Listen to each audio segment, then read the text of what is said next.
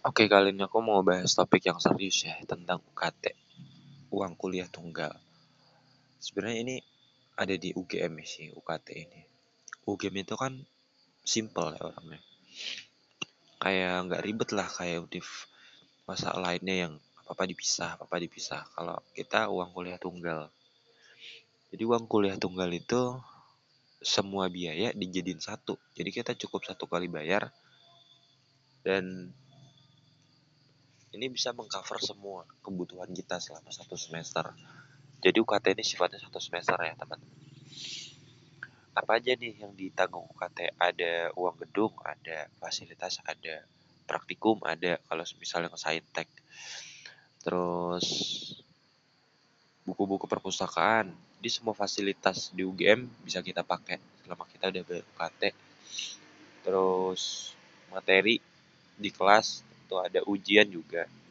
Pokoknya semuanya ditanggung UGM selama kita udah bayar UKT gitu.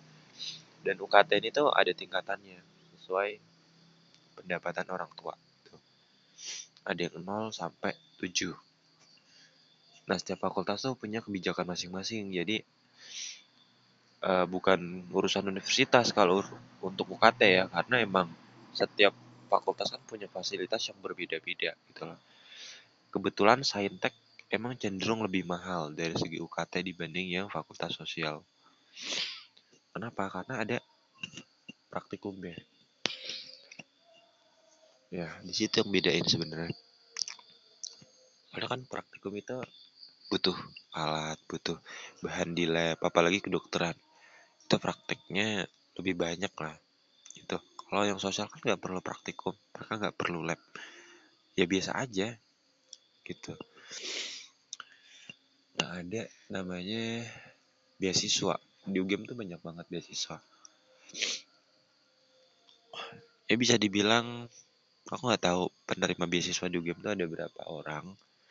Tapi emang banyak banget beasiswa di UGM ya taruhlah 25% lah yang kuliah di UGM dapat beasiswa. Soalnya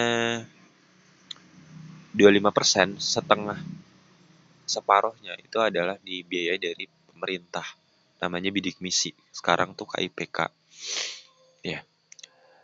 Contohnya angkatanku 2019 UGM itu kan ada 8 ribuan 8 ribuan. Dan 1000 orang dari 8 ribu berarti kan 12 setengah persen itu dibiayai pemerintah.